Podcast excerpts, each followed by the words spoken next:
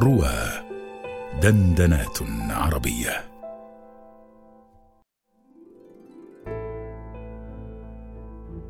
من يواجه الموت مرات ومرات يصل في النهاية إلى حالة من التصالح معه.